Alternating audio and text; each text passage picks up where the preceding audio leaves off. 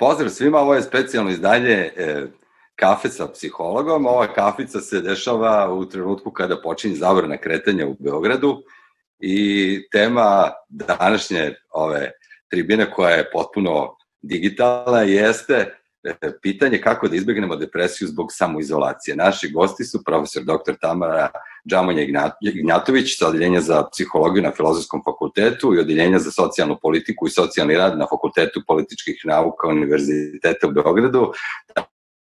Tamara, se vidimo, je sve u redu? Ja mislim da se lepo vidimo, bar ja tebe vidim, a nadam se da se i dobro čujemo. Dobro, o, danas će ovo biti onako malo sad ovaj, e, različito u odnosu na onaj živi sastanak, ali nadam se da ćemo čim budu prilike dozvoljavati da, to, da se sretnemo i uživo. I e, u još jednoj kockici se nalazi Žikica Simić, psiholog i e, dragi kolega, e, autor emisija Tajanstveni voz, dole na uglu, Neonska duga, e, Žikice, zdravo, kako si, kako o, se snalaziš u izolaciji? Nije loše, dobro je. Od ove. E, e, još i htio bih da dodam da si ti uh, ceo praktično ili veliki deo svoje profesionalne e, karijere kao psiholog proveo u CZ-u, tako da mislim da u ovom trenutku možda nemamo boljeg eksperta za pitanje izolacije i samoizolacije od tebe. To je tačno. Dobro. Tačno da sam bio u CZ-a, da li sam ekspert, to ćemo da vidimo. uh, pa evo da, da krenemo od o, ove činjenice da je e, od ovog trenutka ili od e, 17 časova radnim danom zabranjeno kretanje, svi se nalazimo u nekoj vrsti izolacije ili samoizolacije i e, hteli smo da e, popričamo o tome e, kako e, ta situacija deluje na, na ljude i da li prvenstveno iz ugla e, pojave depresivnih simptoma. E, susrećemo se i komuniciramo sa e, ljudima koji pokazuju razne vrste reakcija na ovo stanje i potpuno je prirodno da osim straha koji ili neke anksioznosti koja se pojavljuje kao prateći fenomen ove situacije, o tome smo govorili na prošloj tribini, imamo i sad taj element, izolacije koji dodatno od ljudi zahteva angažovanje nekih novih kapaciteta. E, šta je e, tu osnovni problem, odnosno da li postoji ta veza između izolacije i depresije, odnosno da li se e, ona pojavljuje kao normalan fenomen u ovim okolnostima. Ajde onda da krenemo od eksperta, Žikice, šta je tvoje mišljenje o ovoj temi?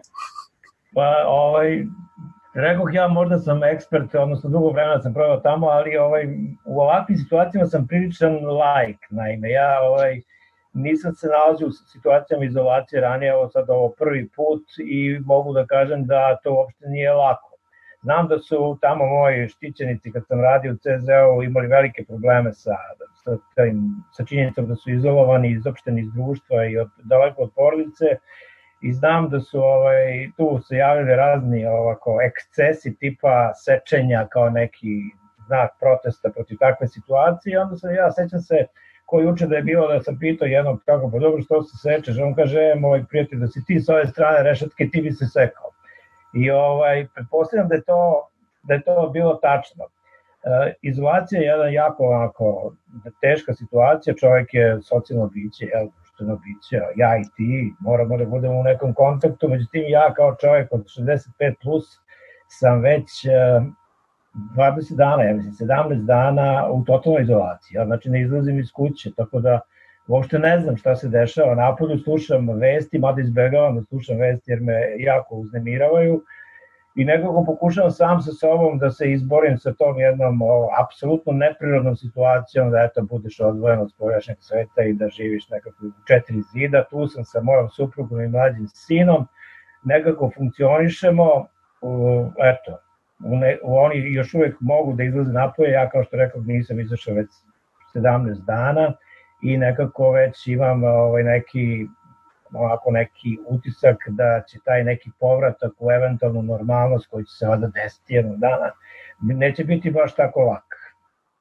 Uvijek se sećam one slike neke sa YouTube-a kada one neke krave koje su zatvorene u, u štali pa ih puste kao otvorenim vrata da izađu u, na livadu i vidim i sećam se koliko su one ovaj se ustručavale da naprave taj korak. Otprilike e, mislim da će tako da bude i sa mnom, a boga mi i sa većinom ljudi moje životne dobe.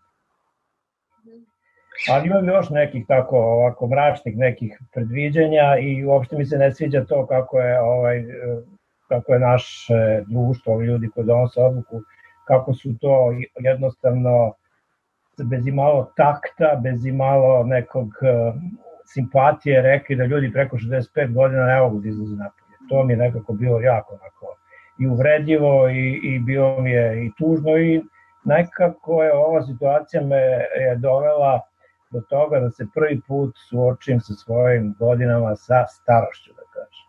Ja nikad sebe nisam doživljavao kao starog čoveka, nikad mi to nije bilo ovaj, blisko, uvek sam nešto radio, išao, gledao, družio se sa ljudima razne životne dobi, međutim odjednom se došla je taj, došao je taj virus i došla je država koja je rekla, ej, ti si star čovek, ne možeš nigde više da ideš, imaš da sediš u kući.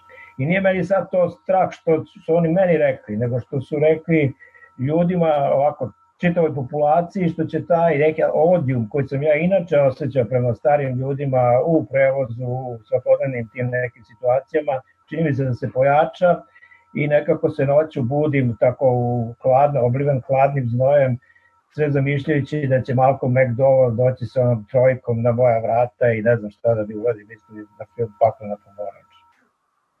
Ja sam sad, neposredno pred, pred početak uh, ovog našeg razgovora i snimanja razgovarao sa svojim sinovima, tinejdžerima, uh, koji su mi rekli kako je uh, svet bez starih ljudi sad trenutno u gradskom prevozu, recimo, koji oni koriste potpuno neobičan. Ja sam danas bio u samoposluzi u nekoj nabavci i kažem, izemči samoposlugu bez starijih ljudi. Tako da je ovo jedna vrsta jedne distopije, onako jedne neobične situacije u kojoj postoji uh, taj ovaj pa da. potpuno je sad drugačiji jedan uzorak populacioni, a evo da ti kažem i da te utešim, ovaj, jutro sam dobio poruku radeći jutarnji program, fotografiju iz jedne zgrade u kojoj piše Drage mlade komšije, okreće se kolo sreće, e, utirali vama, pa ako u subotu treba nešto iz prodavnice, ja ću vam doneti vaš čikamića iz stana 8. Da, da, da.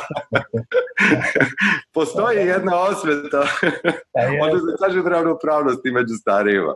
E, sada bih e, pitao Tamaru, e, dakle, jedna potpuno neprirodna situacija e, izolacije, koja od svih nas zahteva potpuno jednu drugačiju strukturisanje vremena. Evo, Žikica je govorio o jednoj vrsti i, tako, i pa introspekcije ili suočavanja sa, sa samim sobom u, u ovoj situaciji. E, koliko to u ovim trenucima može da recimo dovede do nekakvih ono problema psihičkih tegoba ili eventualno do, pre, do depresije? Pa, e, evo, Žikica je lepo ovaj, iskoristio ovaj trenutak da u stvari govori iz ličnog iskustva. Ovaj, dakle, manje iz ugla psihologa koliko iz ugla nekoga ko direktno doživljava uh, posledice ovoga na specifičan način. Ja mislim da, da svaka generacija u stvari to specifično uh, prelama kroz sobstveno iskustvo. Dakle, jeste da smo svi u istoj situaciji, ali zapravo smo ušli iz različitih pozicija u tu situaciju i zato i različito doživljavamo. Počeši od male dece, jel, koja su neprirodno sada svedena na jedan uzak prostor sa svojim roditeljima, su 24 sata nenaviknuta da budu stalno u istoj sobi, u istom prostoru, jel? gde im nedostaju i vršnjaci e, igra, recimo adolescenti takođe, ti si pomenuo svoje sinove, tinejdžere, e, pretpostavljam da koliko god i ti ovako deluješ kao mladolik ovaj, blizak tinejdžerima, ali nisu svi roditelji e, na taj način povezani sa svojom uh, decom i, i taj generacijski jaz može sada da takođe remeti njihovo funkcionisanje u toj izolaciji, jel? zato što prosto postoje e, drugi ljudi kojima su oni okrenuti, njihovi vršnjaci sa kojima sada ne mogu da komuniciraju mi odrasli isto, mislim imamo različite probleme opet u tom funkcionisanju kad kao da je sve normalno funkcionišemo samo od kuće, e, što je opet na jedan način stresno zato što pokušavate da, da funkcionišete kao da je sve normalno, ili oni koji zaista idu na posao, evo i ti zapravo ideš na posao ali i druge ove struke koje stvarno sebe izlažu svakodnevno dodatnom riziku da se zaista i, i razbole zato što je u prirodi posla su izloženi drugim ljudima. Dakle, svako to prelama na različit način, a mislim najviše ova grupa o kojoj je i Žikica pričao i u kojoj se on nevoljno e, našao, ne zbog toga što ima toliko godina, nego zato što ga je neko strpao u isti koš sa svim starim ljudima. I mislim da je to veliki problem.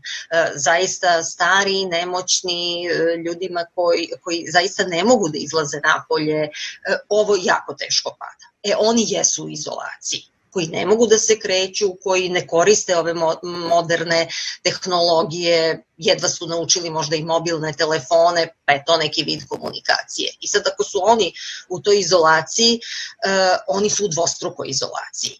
Dakle, mi koji smo kod kuće komuniciramo, ajde i sa našim ukućanima, ali komuniciramo i preko mobilnih telefona i preko interneta, čak nam je ponekad i više komunikacije nego što nam treba. Dakle, ni, samo smo u fizičkoj izolaciji. Ali stari ljudi zaista mogu da budu i u pravoj socijalnoj izolaciji ova sad sreća, sredstva uh, masovnih komunikacija, online komunikacija nama omogućava da ovu socijalnu izolaciju zapravo i ne doživimo kao socijalnu, već samo kao fizičku izolaciju.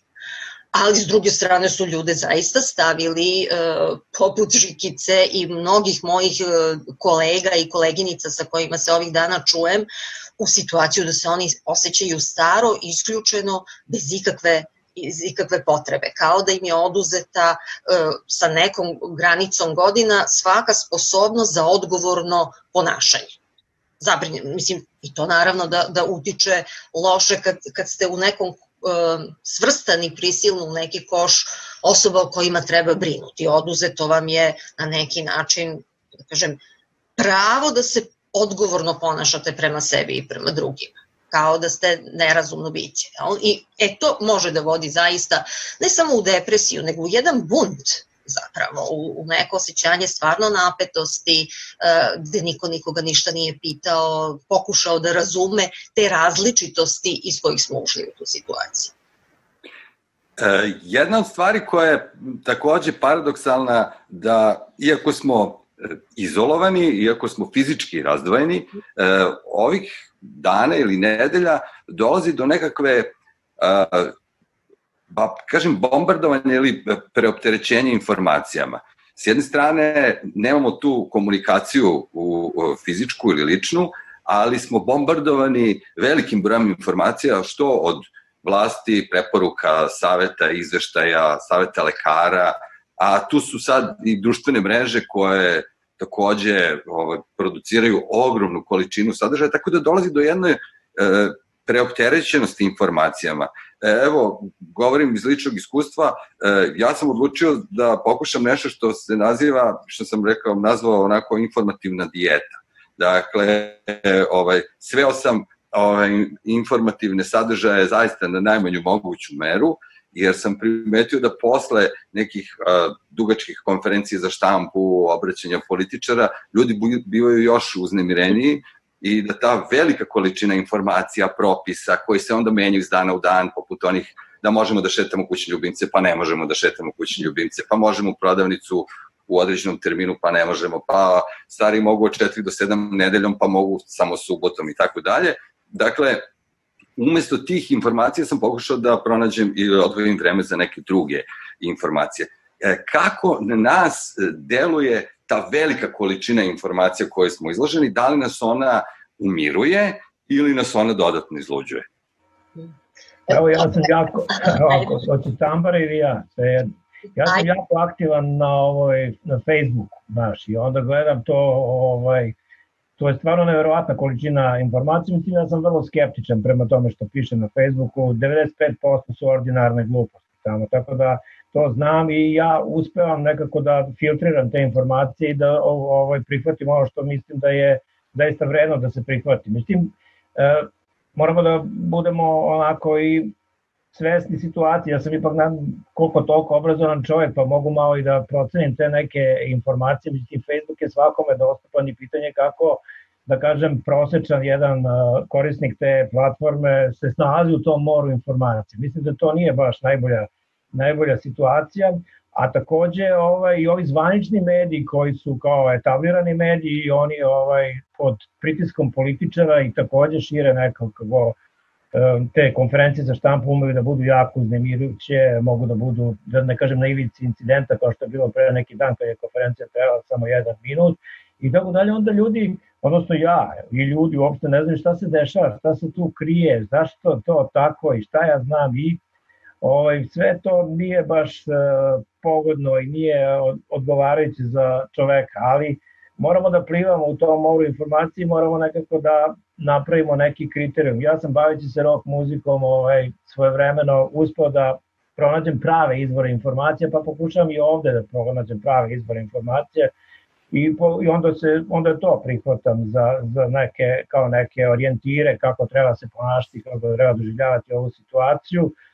Da li svakome to polazi za rukom, nisam baš siguran i mislim da su ljudi zaista zbunjeni, da su ovaj, najveć, najveći korisnici tih društvenih veza su ljudi tinejdžerskih, adolescentnog perioda. Pitanje je kako se oni u svemu tome nalaze, šta oni tu ovaj, prihvataju kao, kao relevantno, a šta odbacuju i kako sve to uklapaju u neko, u, kako se orijentišu i kako se ponašaju sa svim tim informacijama. Mislim da obilje informacija je ovaj stavlja stvarno svakog čoveka pred jedan onako težak zadatak da se snađe u tom moru i da pronađe onu neku pravu informaciju koja će mu nešto zaista reći u kakvoj se situaciji nalazi, kolika je ta opasnost koja se nadvila nad sve nas. Mm.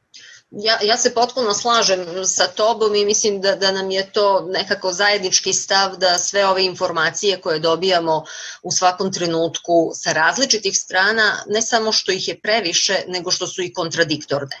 I vrlo često su protstavljene jedni drugima, a onda iza njih slede i neke preporuke i saveti koji takođe se menjaju od dana do dana i ovaj, zaista ne možemo da imamo ni poverenja ni u informacije, a još manje u te različite preporuke, restrikcije i tako dalje koje često izgledaju kao potpuno kako da kažem, e, neke mere koje bar nisu nužne ili nisu u najmanju ruku dovoljno promišljene. I onda se dešava sutradan da stižu neke druge informacije iz drugih izvora ili druge preporuke, da se poništavaju prethodne odluke i kažem, osim toga što smo preplavljeni informacijama koje jesu strašno važne da bi znali šta da radimo na kraju krajeva, ovaj, imamo istovremeno to nepoverenje. A u situaciji stresa, krize, ključno nam je da imamo proverene informacije, jasna uputstva i poverenje u izvor tih informacija i preporuka.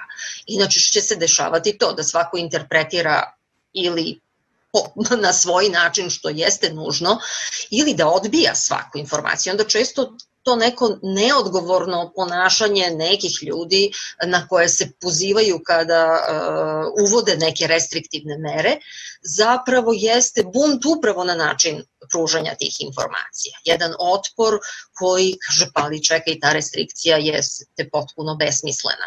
Prvo si uveo, ne znam, uh, ograničenje da se psi šetaju samo uh, jedan sat, naravno da svi vlasnici pasa ako se skupe u jedan sat tog jednog sata u parku, da će ih biti jako mnogo i na jednom mestu, a onda se ukine kao reakcija na okupljanje većih grupa, onda se ukine ta zabrana. Istovremeno se šalje druga poruka da uh, u stvari jedni, e, jedne grupe ljudi ugrožavaju neke druge grupe ljudi. Ko, ko je tu sad važniji? Da li neko ugrožava? Da li su psi važniji od ljudi? Mislim, potpuno besmislene stvari ovaj, zbog čega u stvari ulazimo u ovaj uh, haos, kažem, u jednoj vrlo ozbiljnoj situaciji pa jedni ili je ne shvataju dovoljno ozbiljno ili budu zaista preplavljeni, uplašeni, ali ne mogu da se orijentišu u tom obilju ovaj, informacija kojima ne mogu ni, ni da veruju ili su kontradiktorne ili zbunjujuće. E, jedna od karakteristika e, obraćanja zvaničnika e, jeste bilo, pa mogli bi da kažemo, neko manipulisanje osjećanjem straha. I e, ako možemo da kažemo koje je dominantno osjećanje koje obeležava ovaj period, to je strah. Postoji s jedne strane taj strah ljudi od bolesti, od infekcije, ali s druge strane nekako je u, u, u, kod nas zaživalo uverenje da će povećanjem nivoa straha, odnosno tom, tom pretnjom od bolesti, od recimo izolacije, od smeštanja u nekakav e, karantin, bilo na sajmu ili nekom drugom mestu, kod ljudi da se probudi odgovornost. Ja nisam siguran da to daje dobre rezultate, čini mi se da to, u stvari, da je to bilo kontraproduktivno i da su mnogo bolje ljudi, za sada to smo saznali u prošloj uh, sesiji ovih razgovora na kafi sa psihologom, gde je koleginica Kaja Damjanić uh, pratila i one to još uvek rade na fakultetu, e, da su, da, da, da su na taj način kod ljudi izazvali otprilike potpuno suprotno osjećanje i da i da ta rečenica moramo da smislimo nešto što je još strašnije od sajma, kao da je karantin nešto strašno, to je u stvari jedna zdravstvena mera stara nekoliko stotina godina još od poje kuge u Evropi. Dakle, e, trebamo da uplašimo ljude da bi se onda oni ponašali disciplinovano. I ja ne znam da li, pošto uh, je jedan deo, Tamara, tvog uh, interesovanja i profesionalnog vezan za, za politike i uh, da li takva vrsta uh, komunikacije sa građanima može da da rezultat? Mislim, da li je to prepisan, recimo, primer sa neodgovornog ponašanja u saobraćaju, pa ako prikazujemo strašne slike sudara, onda će ljudi recimo početi da vezuju pojasa. U ovoj situaciji čini mi se da, je, da su uvek bolje ljudi na neku vrstu optimističke prognoze, neke vrste poruke solidarnosti, neke vrste bez podale na nas i njih, gastarbajtere i domaće, starije, mlađe i tako dalje, ovaj, za sada mi se čini da ta politika nije dala dobre rezultate. Pa, evo, mislim, sam si odgovorio delimično na to pitanje i čini mi se da tu delimo mišljenje. E, to uterivanje straha, e, ta, e, to, to što ta poruka sadrži jeste kontraproduktivna. E, pozivanje na brigu je zdravo treba shvatiti ozbiljno situaciju, upozoriti koliko je ovo rizik e, i kada se to kaže na jedan ozbiljan i odgovoran način, onda to poziva ljude da se zauzmu za sebe, preuzmu kontrolu i odgovorno se ponašaju. Kada to izgleda zaista kao uterivanje straha, onda imamo jednu drugu komunikaciju koja više nije na nivou odrasli, odrasli, kako bi to rekli u transakcionoj analizi, jel? da ti ja ozbiljno kažem zašto je nešto važno, ozbiljno i pozivam te da preuzmeš odgovornost za svoje ponašanje kako ne bi ugrozio druge ili sebe ili te kao neki na početku e, negujući roditelj koji brine o tebi, voli te toliko da ti zabranjuje ovo ili ono, e, zapravo ti poruče kompetencije da donosiš sam odluke ili u sledećem koraku postaje onaj kritički roditelj koji kaže slušaj ti moraš tako i tako, ja ću umesto tebe da donosim odluke, što kao što znamo i kod deteta izaziva bunt ako ne razume zaista da mu se neko obraća sa poštovanjem i poverenjem u tuđu odgovornost. Tako da mislim da to e, u, u, izaziva i dodatnu strepnju, ali kažem i dodatni otpor i konfuziju kod ljudi ove šta u stvari da rade i onda se često iracionalno ponašaju ili izlažu više ovaj riziku ili počinju da paniče, što je definitivno, mislim, ljudi kad su u panici zaista ne misle e, racionalno. Dakle, anksioznost, jedna, jedna zdrava anksioznost jeste važna jer jeste opasna situacija, ovaj, rizična, ali nekoga tako prepadati, pogotovo sa onim porukama sada, ja sreća nisam na tom MTS-u, ali videla sam od ukućena da su dobili te poruke, približava se katastrofa, scenario italijanski, španski, mislim, to je stvarno nešto što, mislim, ide kao informacija zastrašivanja bez ikakvog objašnjenja uh, koje poziva, kako da kažem, na vlastitu odgovornost, samo ide na, na osjećanje straha. E, Žikice, ako bismo sad metaforički naše društvo uporedili se zatvorom, a ti si tamo proveo radni vek, ovaj, e, prosto, da li je moguća ta paralela, da li da li nekakva vrsta ono strogog odnosa pre, prema zatvorenicima da daje rezultate, da li su oni disciplinovani ako su kazne zaprećene strašnije, ili tu ovaj treba pronaći neku meru kako kako misliš da bi bio optimalan način komunikacije sa građanima u ovoj situaciji? Pa ja mislim da ovde kod nas na ovim prostorima uvek država je komunicirala sa svojim polenicima na ovaj način na koji se ti odlično opisuju koje je Tamara odlično ovaj, elaborirala. To je uobičajena stvar ovde i to pitanje kada će to da se promeni. To dosta, što kažeš ti, liči na ovu zatonsku komunikaciju da se smatra da su ovi ljudi, oduzeto im je, oduzeto im je, oni su lišeni slobode, to je meni rekao svoje vremeno jedan upravnik kad sam počeo da radim. Oni su lišeni slobode. Prema tome ti sad imaš pravo ovaj, tu da radiš sa njima šta god hoćeš, da ih kažnjavaš, da ih stavljaš u ne znam kakve ustove, u samici i tako dalje. Pošto su oni lišeni slobode. I mislim, uh, tako smo i mi ovde sad došli u tu situaciju da smo mi lišeni slobode i da sad oni nama određuju, meni konkretno kao pripadniku te populacije određuju da ne smem da izađe tako. Što kod mene ne javlja, kod mene se u, to, u toj situaciji ne javlja ni, ni, ni, ni depresija, ne javlja se ni strah, nego mi se javlja gnev. Gnev koji je ovaj koji me pošto to u toku dana kod mene uh, fluktuira, bude mi ovako i onako, onda kad me taj gnev uhvati onda sam kako bih rekao postajem opasan ovaj po okolinu i po samog sebe jer ne znam kako da, da se ponašam u, u toj situaciji kada sam toliko napunjen tim gnevom, a nemam, ne mogu da, da ga nikako ne mogu, što bi rekli psihijatri, abreagujem. ovaj, I onda, ovaj, e sad, tu sad, šta se tu dešava kad ti pun gneva, a ne možeš ništa da uradiš? Tu sad je, to je jako zanimljivo sa te, pa ako hoćeš i sa psihosomatske strane, šta se tu sad dešava, kako telo reaguje, kako psiha reaguje, kako taj čitav intrapsihički, taj konstrukcija, kako ona to sve, da ona to može da podnese i koliko može da podnese. Vidjet ćemo kako će stvari da se razvijaju, ali definitivno, mene, meni je jako čudno, pošto ja čujem da te, ti, te političke stranke plaćaju gomilu para raznim PR-ovima, raznim tim nekim stručnicima za komunikaciju, da oni nemaju neko ko će u ovakvim jednim katastrofičnim situacijama da im kaže kako da komuniciraju sa narodom, sa plepsom da kažem. Juče sam čuo izvešti za Tine ove e, dopisnice radio Beograda fenomenal, Mitsutaki sa grčkim narodom kaže teško je teško je, kaže, svašta će da se desi, ali za mesec dana sve ćemo mi to da popravimo. I živet ćemo kao Grci, kao što smo i pre toga živeli. Sad ja ne znam da li je ta, moj sin kaže to je optimizam, nije realan.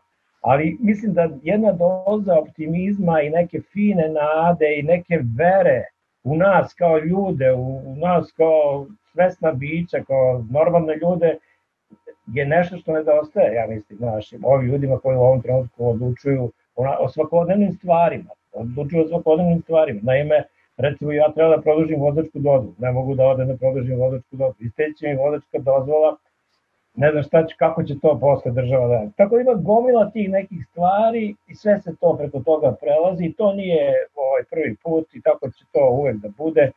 I mislim mi tu živimo da jesmo i eto tako je to sad. Ja sam ono, čini mi se da to je neka deo našeg usuda, da ne kažem balkanskog, ali ovdašnjeg. E sad, o, o, fantastično si e, rekao tu rečenicu, mislim da će ona biti light motiv ovog današnjeg razgovora, to lišavanje slobode. I ja imam utisak da mi u stvari ništa drugo ni ne radimo, nego ako smo formalno lišeni slobode, pronalazimo načine da tu neku unutrašnju slobodu onda u naše četiri zida uh, praktikujemo da imamo neku vrstu uslovne slobode, što bi rekla grupa Jarboli, dakle, ovaj, da, da nešto pokušamo da, da uradimo sami sa sobom u toj izolaciji. I tu dolazimo do različitih strategija kako ljudi osmišljavaju to vreme. Da jednom se pojavila neka ne, ne, ne, neki oko jedan univerzum slobodnog vremena, ovaj, ko, koji svak kreativno, manje kreativno, zdravije ili malo zdravije. Šta bi bile ovaj, zdravi, zdravi načini za funkcionisanje ili preporučeni načini za funkcionisanje u ovim uslovima? Dakle, pretpostavljam da e, ne smemo da se prepustimo da prosto dan prolazi jedan za drugim. I jednako da je potrebno na neki način osmisliti to vreme, podeliti ga pa makar i do one zatvorske šetnje od sat vremena koja postoji, ali prosto, e, ja mislim da je taj raspored radnog dana, to mi je bilo karakteristično kada sam video, setio sam se služenja Jugoslovenske narodne armije, kad sam video taj famozni plan dnevnih rasporeda na sajmu, koji je prepisan iz e, nekakvog ono pravila službe Jugoslovenske narodne armije, sve sa onim bizarnim detaljima čitanje štampe i literature. Dakle, to je ono sa kulturno uzdizanje iz onog vremena koje pamtimo, ali, ali očigledno je čak i na, na, sa tom vojničkim ćebadima tamo neko imao potrebu da napravi neku vrstu osmišljavanja tog vremena. I, i kako, kako tu, tu imamo jedan prostor slobode koji možemo sad individualno da koristimo, svi smo u nekakvom unutrašnjem egzilu, e, i e, da li postoji nek, nekakav zdrav način da se to uradi? Mhm. Ako mene pitaš, ovaj, svakako da da. I, e, psiholozi su odavno govorili o različitim situacijama, da stresogenim, e, kako možemo da izađemo e, na kraj sa njima, koje strategije da razvijemo. E, s jedne strane su strategije koje su okrenute ka spolja, znači šta možemo da uradimo, kako da se zauzmemo za sebe, s druge strane su one strategije okrenute ka unutra, ka nekim psihološkim mehanizmima koje nam uvek ostanu kao onaj minimum slobode, bar da zauzmemo stav prema okolnostima, ako već ne možemo da ih promenimo. Jel? E, tu, tu je područje mog slobodnog delovanja, da mislim na način na koji ja imam pravo da mislim. Jel? Tu slobodu ne može niko da mi oduzme. E sad, što se tiče ovih konkretnih e, ponašanja, zapravo šta možemo da radimo, ti si sam pomenuo ovo planiranje vremena. Dakle, e, puno čujem i od mojih prijatelja sa kojima se čujem ovih dana da im dan prođe.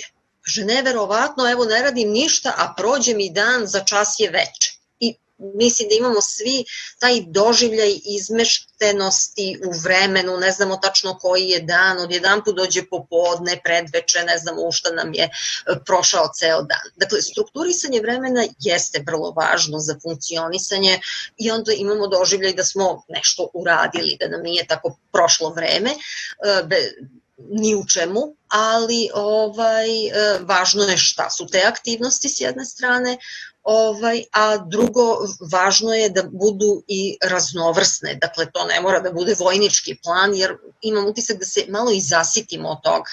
Ja sam sama napravila, evo Žikica je počela da deli onako lični doživljaj, moj lični doživljaj je upravo bio to, da ako sam sada kući 24 sata, sad ću ja sebi da napravim plan, pa ću da stignem da uradim i neke stvari koje nisam do sada stizala Naravno, to je funkcionisalo prvih nedelju dana, onda mi se sve zajedno smučilo.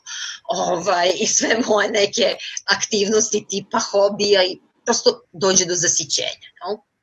ali jeste strukturisanje vremena neki lagani plan stvari koje volimo, ali koje su korisne. Dakle, korisno je da sredim nešto u kući što nisam dugo jer nisam imala vremena za to, ali volim nešto drugo da radim što obično ne stižem, pa eto sad prilika i za to. Drugo, to je važno i zbog distrakcije misli. Znaš, jer onda zapravo misliš o nečem drugom, da ne moraš stalno misliš na informacije i tako dalje. Dakle, to, to je jako važno ali e, fizička aktivnost, malo pre si pomenuo tu šetnju od jednog sata, e, čini mi se da je to jedna od stvari koja je bez ikakve potrebe e, uskraćena ljudima, a naročito ovima iznad 65. Ovaj, koja bi im upravo doprinela i mentalnom zdravlju i fizičkom zdravlju. Kretanje je e, apsolutno nešto važno e, za opšte, dakle i psihofizičko zdravlje fizičko, drugo vazduh, mislim, svež vazduh podiže imunitet, a ne narušava ga. Tako da ima puno toga što, čime možemo zapravo da se bavimo, kažem, i da strukturišemo taj dan, ali, kažem, fizička aktivnost, na kraju krajeva dremanje, spavanje, čitanje filmova, čitanje knjiga, gledanje filmova, ali to dosadi, jer čovek ima doživlje kao kad vam odmor dosadi. Jel? Pa kad ne mogu više da se odmara, moram nešto sada ovaj, da radim. Znači jedan lagani plan pa raznovrsne aktivnosti, ali nismo svi u istom položaju. To je problem. Jedan od, jedan od utisaka, barem iz ljudi s kojima sam u komunikaciji, jeste da počinju gastronomski eksperimenti, ne samo ovaj, da, se, da je priprema obroka i ručak sa događaj, nešto što nam je bilo onako prilično u, stvar koja se podrazumeva u običnim okolnostima, pa da li ručamo i s nogu ili na brzinu. Sad je porodica, ako je tu na okupu, tu, tu su uglavnom ovaj, ukućeni i onda je i priprema hrane i zajednički obrok nešto što, mislim, može da vam potroši sat, dva ili više ako se tu ovaj, nešto sprema, tako da mislim da je to jedna od stvari koja se promenila o, za ovih nekoliko nedelja, ja samo dobijam fotografije, takozvani food porn, ono, kao šta su ljudi spremili, pa vidi šta sam skuo, pa vidi, ali kao tri sata se krčkalo. Kad ti neko kaže da se tri sata krčkalo, znači pa to je tri sata tvog vremena danas, to je fenomenalno. Izbegavamo ona brza jela s nogu, dakle sad se ono jede kašikom i tako. Mislim, to je jedna od promena koju primećujem kao pozitivnu, kao i možda i ova nastava za deljinu, to su neke svetle tačke u ovoj situaciji koja je zaista profunkcionisala i razbila sve te iluzije, a ovaj, Žigice, taj, taj plan sa sajma koji je dosta onako striktan i rigorozan, da li, da li on pomaže da ono, sa onom idejom, ako sam isplanirao vreme, onda ću i da razmišljam i da se osjećam bolje, jer onda znam šta treba da radim tokom dana, pa ću onda ovaj, da pomognem. E, koliko taj raspored pomaže e, ljudima da se nekako i psihološki bolje snađu u, u, u ovoj situaciji? Pa, moram da ti kažem, e, ti se sećaš Jelena Lajkovića, ti je predavala nešto? Da, da, da. Jelena Lajković je svoje vremena imao jedan fenomenalan tekst o strukturaciji vremena i o značaju strukturacije vremena za psihičko zdravlje. I to je bio jedan od mojih omiljenih e, radova srpskih psihologa na, uopšte. Ja sam tu imao to i čuvao sam dugo i čitao. I, I ona je tu zaista na pravi način naglasila koliko je važno strukturisati vreme. Ali, struktura, da li će ti strukturisati vreme vodnik ili ćeš da strukturišeš vreme ti, to su dve različite stvari. Znači, koliko je sad, koliko ti učestvuješ u celom tom procesu. E, pošto smo sad ovde definitivno rekli ne možeš napolje, onda sam ja ovde se suočio znači, sa 24 sata. 24 sata ovaj, u 4 zida, to nije ni malo laka stvar. Bez obzira koliko ti bio čovek sa nekim razvijenim unutrašnjim životom, ti što reče Tamara malo pridaš potrebu, odnosno to je nasušna potreba da se izađe, da se udahne vazduh, da se oseti zemlja, da se vidi drvo, da se ono, oseti miris poljašnjeg sveta. E sad, pošto si u kući ti onda ono što, što one strategije koje su ti dostupne. Ja volim da slušam muziku, volim da gledam filmove, volim da čitam knjige i to je nešto čime sam se ja sad okupirao ovih, ovih dana ali kao što je Tamara rekla, to nije dovoljno. To, to ovaj, prođe vreme, prođe vreme, ali nekako opet ti ostane jedan višak vremena i, i to osjećanje da ne znaš koji je dan, to je nekako jako, jako bolno jedno saznanje. Ja sam se s tim suočio kad sam otišao u penziju, kad, kad ne znam da li je ponedeljak ili utorak. To nije, to nije obična dezorientacija, to te malo nekako, zaista te poremeti. Ono, jer ono dok ideš na posao onda znaš kako dani prolazi sve ovo, odjednom su svi dani isti. Ele, ja sam sad rešio da čitam knjige, da slušam muziku, ali u jednom trenutku, kako bi rekao, pukli čovjek i kaže, ba, daj, pusti mi sa muzikom i sa ovim, hoću mm. da na terasu da gledam, da, da vidim nešto, da vidim ljude. Da, ja izađem na prozor, gledam po bulevaru kako šeta narod. To mi nekako nekako mi s jedne strane mi je me smiruje, a s druge strane mi opet ono kao je što ja sad ne mogu da šetam i tako dalje. Tako sam stalno u nekim ovaj, pre, preispitivanjima. Tamara, ti je htjela nešto kaže. Pa, e, meni je drago, znaš, što pominješ i to što su ovaj, e, zapravo osjećanja kroz koja verovatno svi prolazimo, čak i mi koji smo nekako pozvani da delimo savete. E, što u stvari samo govori e, o tome da je to, da u stvari treba da normalizujemo sva ta prolazna stanja, neraspoloženja, napetosti i tako dalje. S druge strane, to kad kažemo čitanje knjiga, gledanje filmova dobrih, ima sada tih otvorenih kanala, da se svašta gleda, to i zasiti, a s druge strane ovaj ne može, mislim nije to svima dostupno. Šta oni ljudi koji nikada nisu čitali knjige, niti to vole, niti su tome skloni, niti slušaju muziku, niti šta, mislim i oni imaju potrebu da nekako osmisle dan. Mi stalno pričamo nekako o, o e, ljudima koji su donekle privilegovani jer imaju različita interesovanja, različita, različite resurse na koje mogu da se oslone. kao kad pričamo o izolaciji, jesmo mi u izolaciji, ali zapravo u socijalnoj izolaciji nismo, jer komuniciramo na sve ove načine, i preko interneta i mobilnog i tako dalje. E, ova fizička izolacija je manji problem ako postoji socijalna komunikacija.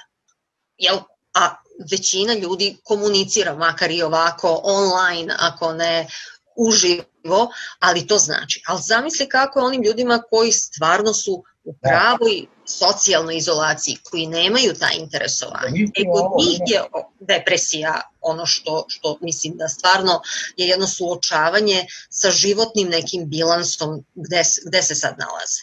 Mislim disfunkcionalne porodice u ovakvoj. Mm. E, to je jedan stvarno veliki problem. Mm -hmm. Kako oni sad u ovakvoj situaciji kad su u četiri zida upućeni jedne na druge, a to nije funkcionisao ni kad su bili normalni. Šta se sad tu dešava? Gde, kuda to vodi sve? Mm -hmm. Da, da. Sad, ćemo, sad ćemo da vratimo samo, pošto je bilo nešto, nešto si bila zaledila ovde sa slikom, pa e, sad može Žikica da se uključi, da, pošto ti si hteo da se nadovežeš na... Da, da kažem, e, šta se dešava sa disfunkcionalnim porodicama? Kako one, te porodice koje ne funkcionišu dobro ni u najnormalnim uslovima, kako se, šta se sad tu dešava, koliko, da li tu dolazi do nagomilavanja agresije i da li se ta agresija ispoljava u četiri zida i kako se to sve, to su sve neki ne, meni veliki problemi, jel? A, pa recimo evo sad da, da, da, što kaže da ti čitam novine preko interneta, ovaj e, ja nekako pratim iz dana u dan u novinama, u raznim izdanjima novina, mislim da se ona e, crna hronika nije smanjila, dakle ona porodično nasilje čini mi se ostalo u istom obimu u kojem je bilo i pre izolacije, s tim što sad imate i ove posebne vrste eksplozije ljudi ovaj, traže način na koji smanjuju taj nivo napetosti i stresa prvenstveno alkoholom i onda imate te ono tuče, pre prebio ženu, napao kuma i da. tako dalje i tako dalje i sa bizarnim povodima, ono potukli se zbog pesme, mislim, ali ovaj tako da da sad u stvari taj povod možda bude potpuno onako bizaran i nebitan, ali e, takođe dve sam prepoznao sam dve dva, dve vrste kao poremećaja, to, to je to porodično nasilje koje je ostalo u istom nivou i povremeno vidite da ljudi e, kao da beže iz te izolacije tako što sednu u kola i recimo voze se tokom policijskog časa, pa ih onda juri policija, zaustavlja, primeću da imaju voze pod dejstvom alkohola i tako dalje, ali jedno od tih stanja je kao morao sam da izađem i da makar na 15 minuta. Dakle, prosto taj pritisak je toliki da ovaj, ne mogu da izdrže, pa, pa onda moraju da popegnu, kao da beže iz zatvora, eto, tako to izgleda. Dakle, ta, ta, te dve, ta dve vrste ponašanja sam primetio. Pa, da, znači, mi smo s jedne strane kao pričamo o toj izolaciji, a zapravo smo sada u prisilnoj komunikaciji. Znaš, jer smo svedeni na par osoba, mislim, i to može da bude i sreća, zamisli, oni koji e, žive potpuno sami. Onda je to tek ipak izolacija koja sigurno teže pada, pogotovo kažem ako im nisu dostupni ovi e, mediji preko kojih mogu da komuniciraju ipak sa rođacima, prijateljima, telefonom ili već kako.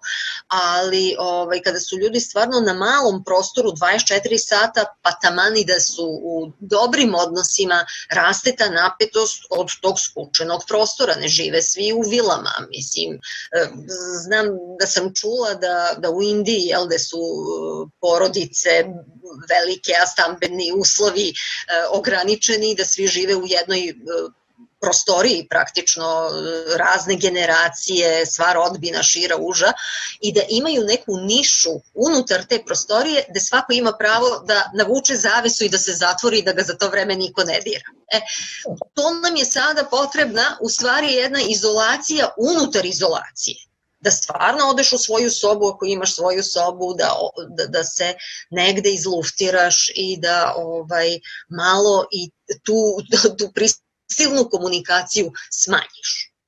Tako da, da, mislim, jako je teško balansirati. Kad kažemo izolacija, to ima mnogo, mnogo značenja. E, još jedna stvar koju, na koju nas ova situacija u psihološkom smislu pokreće, a negde je nagovestio Žikica, moram da kažem da se to dešava na svim uzrastima koje ovaj, to, tu stvarno nemaju godine ovaj, prevelik uticaj, a to je da smo sad zbog tog viška slobodnog vremena, a mislim to je onako dovelo do preispitivanja našeg dosadašnjeg života i nekakvog presapiranja. I vrlo često e, čujem kako ljudi prave nekak e, sumiraju svoje rezultate, bračne ili partnerske odnose, e, nije redko da pozivaju svoje bivše partnere pa pokušavaju da otkriju kao šta to nije valjalo ranije i tako dalje i tako dalje. Dakle, o, o, izolacija nas s jedne strane o, natera da, krenemo tom stazom sećanja i da preispitamo, je to sad dobro, preporučljivo ili može, mislim, možda bude kontraproduktivno. Šta misliš tamo? pa znaš šta zavisi sa čim se suočavaš i na koji način. Ja u principu mislim da je jako dobro da se s vremena na vreme stvarno susretnemo sami sa sobom. Jer smo mi obično u previše komunikacije. Prosto dođemo do, do jednog nivoa samo zaborava, samo radimo neke obaveze, trčimo od jedne do druge situacije, od jedne do druge obaveze, e, u kontaktima smo najrazličitije vrste, čak i ne stižemo da budemo u onim bliskim kontaktima dovoljno, upravo zbog te preširoke mreže komunikacije koje imamo. Jel? Ali e, susresti se sa samim sobom je izazov. Dakle, ne mogu da kažem ni da je dobro, ni da je loše, ali jeste izazovno, jer se preispitujem šta nam je važno, šta to mi u stvari bi radili kad ništa ne radimo, šta nam je vredno, šta nismo stigli e, od tih raznih obaveza kojima smo se prenatrpali, koji su nam ljudi sada potrebni dok smo ovako izolovani, ko nam nedostaje, a nismo stigli da ga vidimo. E, tako da ta bilansiranja jesu važna i bilo bi dobro da ih radimo češće, ne samo u ovim ekstremnim situacijama ili tamo u nekim kasnim godinama. No? Tako da se malo preispitamo, jer čak i kad je taj negativan ishod, on može da bude pokretač pozitivnog, u stvari. Da kažemo, e sad više neću tako. No? E, Žikice, ovaj, jedan od naših, pretpostavljam, omiljenih rock autora je čini mi se to uradio u pesmi koju je objavio od skora i Nobelovac, Bob Dylan je objavio sad pesmu posle dugo godina i ta pesma traje 15-16 minuta nije baš zapaljen na rad, osim u emisiji put tvoje, koju jedva čekam da čujem, ponovo, ali to je jedan svojevrsni put kroz, recimo, njegovu ličnu, emotivnu i rock'n'roll istoriju. I sad čovjek, ja sam prepoznao i kod Dilana to putovanje unutrašnje u sebe i to preispitivanje, on se i obratio svojim fanovima i ljubiteljima i rekao da se čuvaju u ovim okolnostima. Doduše, pominjao je nekakvo apokaliptično vreme u kojem živimo i tako dalje, nekakva mračna slika je bila, ali e, je li to preispitivanje može da bude kreativna stvar? Kreativno, jer to je odlično, to je, ta pesma zaista fenomenalna, jer on tu uh, u drugom delu pesme čitav niz pesama, filmova, knjiga, spominje i sve ih onako komentariše na, jedan vrlo onako lapidaran način, kako inače on to ume u jednom stihu I to je jedan, to je recimo jedna jako zanimljiva stvar. Bob Dylan nam je opet tu postavio jedan ovaj, model ponašanja koji nije uopšte loš. I ja ovde, ovaj, ja moram da kažem, apropo ovog što si malo prepričao sa Tamarom, ja sam uh, nekako u stalnom preispitivanju, i takav sam čovek, mislim, u stalnom sam preispitivanju i tako da ova situacija mi nekako nije nova u tom smislu, pošto sam ja i kad je bilo, kad su bilo milion ljudi oko sebe, mene su nekako proganjale neke negativne stvari iz moje prošlosti, nikad nisam mogao toga da pobegnem. Ali ovaj, naučio sam da se nosim sa tim. Međutim, ovo što, Dylan, što je Dylan uradio u ovoj to je zaista ovaj, fantastična jedna stvar i ja to vrlo često radim i vrlo često, što bi se reklo, publikujem, odnosno objavim na ovom Facebooku. Setim se neke pesme, setim se nekog filma i pokušavam da to kroz neke lepe rečenice nekako objasnim sebi pre svega, onda, onda to sve stavim na taj Facebook i onda vidim da ljudi lepo reaguju na to lepo reaguju i to im se dopada, jer nekako i sami onda svoje neke ovaj, ideje na tu temu mogu nekako da oni sami elaboriraju i da kažu kako je to. I to je neki, nešto što ja inače ovako radim, a vidim da je Bob Dylan od toga napravio veliku umetnost i ovaj, to je samo ovaj dokaz da je to bio pravi čovjek i nismo uopšte pogrešili što smo tog čoveka nekako stavili na neki pijedestal kao lidera jedne generacije i kao lidera jednog, odnosno kao čoveka koja personifikuje jedno sjajno vreme. To je ta generacija koja je sad u izolaciji, to da kažem. To je tako, tako. E. Ovaj, e, Pa je onda Never Ending Tour, to, njegova turneja traje. I, pa i ova naša turneja je ono, Never Ending. Jednog dana, ne znam šta će biti.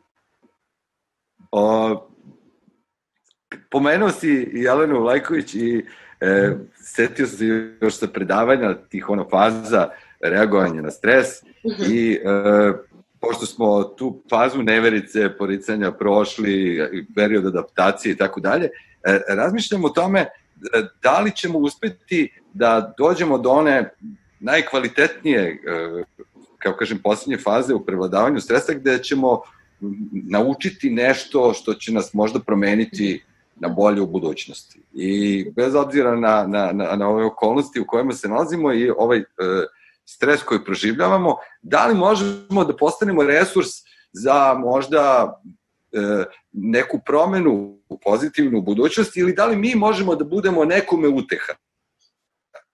To, je pitanje. Ja sam primetio da u razgovoru i sa terapeutima oni kažu da uvek ima neko ko se boji više od vas i da vi, bez obzira na svoj strah i svoje ovaj, apatiju ili trenutke krize u koje upadamo, E, možemo da pozovemo nekog ko se trenutno možda nalazi u još goroj situaciji, pa da mi budemo ne problem, nego možda rešenje problema, deo rešenja problema. Da li je to moguće?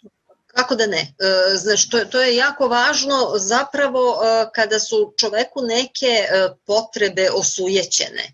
On još uvek ima neki vrednostni sistem na koji se oslanja i onda su mu vrednosti jako važne šta mu daje e, smisao životu, šta su njegove vrednosti koje zastupa, da li je to dobrota, altruizam, ljubav i upravo e, ovaj altruizam u ovim vremenima, dakle neka solidarnost, pomaganje drugima, može i nas paradoksalno da jača. Dakle, to davanje je u stvari dobijanje nazad. E, iz toga se mi osjećamo jači, korisniji, bolji. Dakle, živimo neke vrednosti koje su nam zapravo važne. I to i nas izvlači iz nekog osjećanja bespomoćnosti, beskorisnosti i sl. Znači, to, to svakako jeste jedan od načina ili neke druge vrednosti, šta, šta god nam je e, značajno. Da li je to bavljenje nekim e, i drugim stvarima, estetskim potrebama, za umetnošću, kreativnošću, mislim šta, šta god. Ali jedna od bitnih stvari, pogotovo u ovim kriznim situacijama koje zahvataju e, veliki broj ljudi, e, solidarnost je jedna od ključnih vrednosti koje i nama samima pomaže. Ne zato kad nama treba pomoć, nego upravo mogućnost da je pružimo na ličnom planu, a mislim i na međunarodnom. Ako išta ovaj, od ovih svih e, stvari e, bude dobro, a mislim može da zvuči onako malo e, kako da kažem, neumesno da se kaže svako zlo ima svoje dobro, ali neke lekcije koje možemo da naučimo iz ovih stvari, mo, e, bar da budu neko dobro, uslovno rečeno, a to je da, da i međunarodni odnosi e, u kojima odjedan put, ne znam, Kina pomaže Americi, e, daje, oni sami su prošli kroz vrlo velika stradanja, užasnu krizu i tako dalje dalje pružaju pomoć. Odavde, odande, da sad ne nabrajam sve zemlje koje su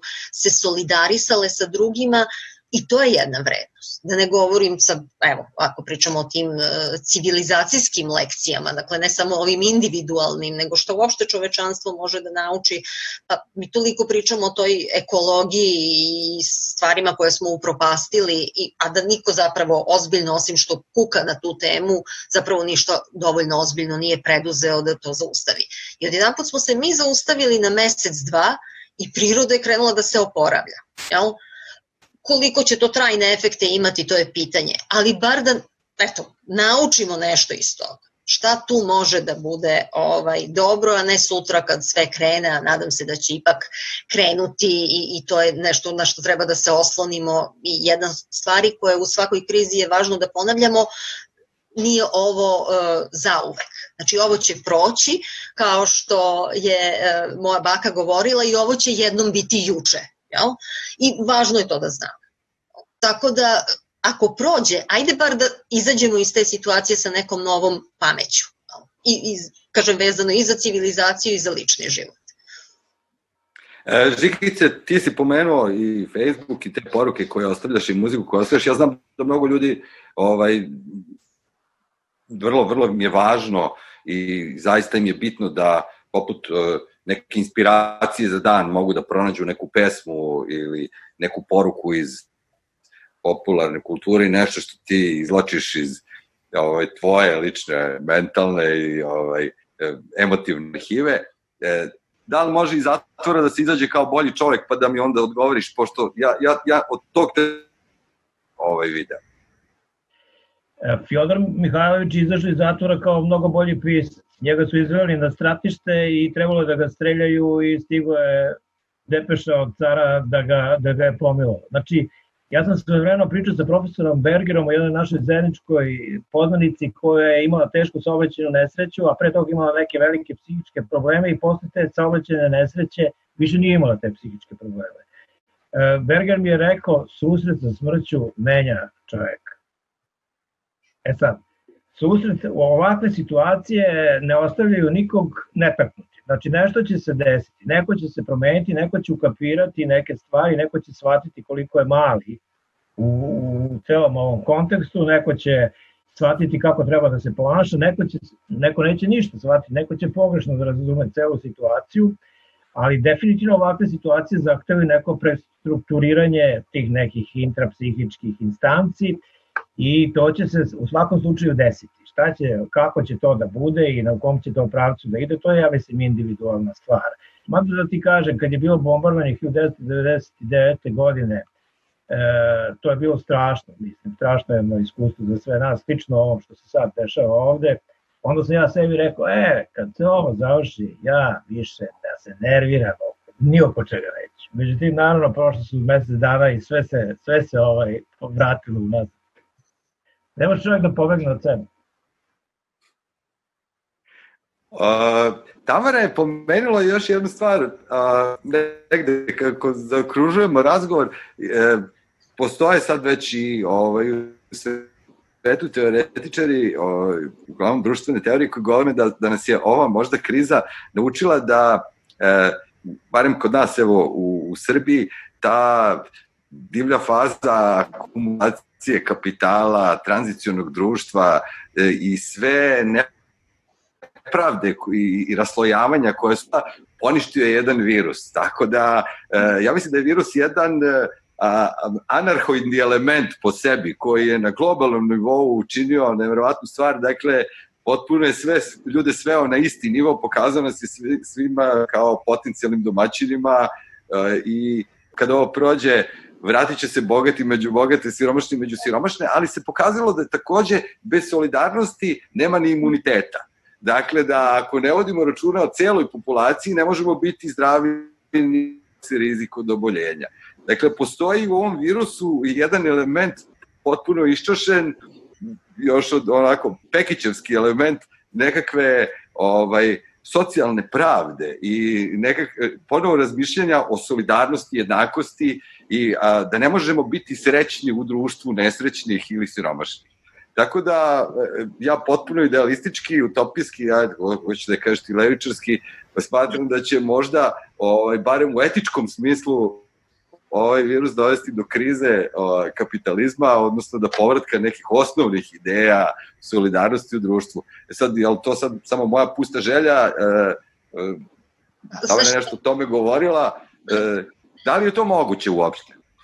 E, ne znam da ti odgovorim na to pitanje, ja mogu samo da se pridružim tvojoj pustoj želji. E, znaš, jer to ljudi koji se bave e, politikologijom i uopšte tim društvenim kretanjima, političkim, ekonomskim, mogu verovatno bolje da procene. Mi sa ove strane možemo samo to da želimo i da verujemo zaista u neke dublje ljudske vrednosti i, i mnogo više onoga što zapravo ima smisla u životu što je daleko bitnije od te neke akumulacije kapitala i slično. Ali mislim da bi bilo jako dobro da svet iskoristi tu lekciju. Nažalost, oni koji imaju moć, možda će i moć oslabiti, ali ne verujem da će toliko oslabiti da bi je se tako lako odrekli Znaš, onaj ko ima moć jako voli da je koristi u sobstvenom interesu i mora sam da promeni vrednostni sistem. E, svi koji smo sa druge strane možemo da se nadamo ili da preduzmemo neke akcije e, u, u pravcu te promene, ali zapravo odgovornost jeste na onima koji imaju moć donošenja odluka. Tako da tu mislim da možemo samo da se pridružimo ovim željama, da apelujemo na njih, ali da li će biti puste želje, da li će biti utopija, to zaista teško mogu da kažem. E, dakle, evo mm. Žigice, virus nas je natjerao da razmišljamo o smislu života. To je sad stvarno Monty Pythonovska situacija i ovaj, e, negde za kraj ovog razgovora, da li, da li može on da nas sad inspiriše za, za dalju potragu za tim smislom. Čak i kod ljudi koji možda nisu o tome razmišljali, pritisnuti svakodnevnim obavezama, trkom za životom i preživljavanjem. Znaš ono što je Viktor Frankl govorio o tome kako u logorima prežive oni ljudi koji imaju smisao, oni koji nemaju smisao, oni ne prežive. Tako da evo sad je ova situacija stvarno da se svako od nas zapita ima li on neki smisao u životu, zašto, zašto se sve ovo, čitava ta avantura životna, zbog čega se zapravo to odvija i verovatno će kod nekih taj odgovor biti, kako bi se reklo, pozitivan, odnosno pronaći će nek, taj smisao će im pomoći da se suoče sa situacijom na najbolji način, ali bit će i bogom i onih invalida i ranjenika koji će ovaj, postati pravi invalidi koji neće moći da nastave, da nastave dalje. A i apropo, mislim da se Slavoj Žižek, naš kolega, ja, je ovih dana pisao da je ovo trenutak kada je će, ili će biti komunizam ponovo ili će biti anarhija. Da je to sad ovaj, nas je virus doveo u jednu takvu situaciju i sad treba da vidimo šta će, ovaj, da, u kom pravcu će stvari da krenu do sada.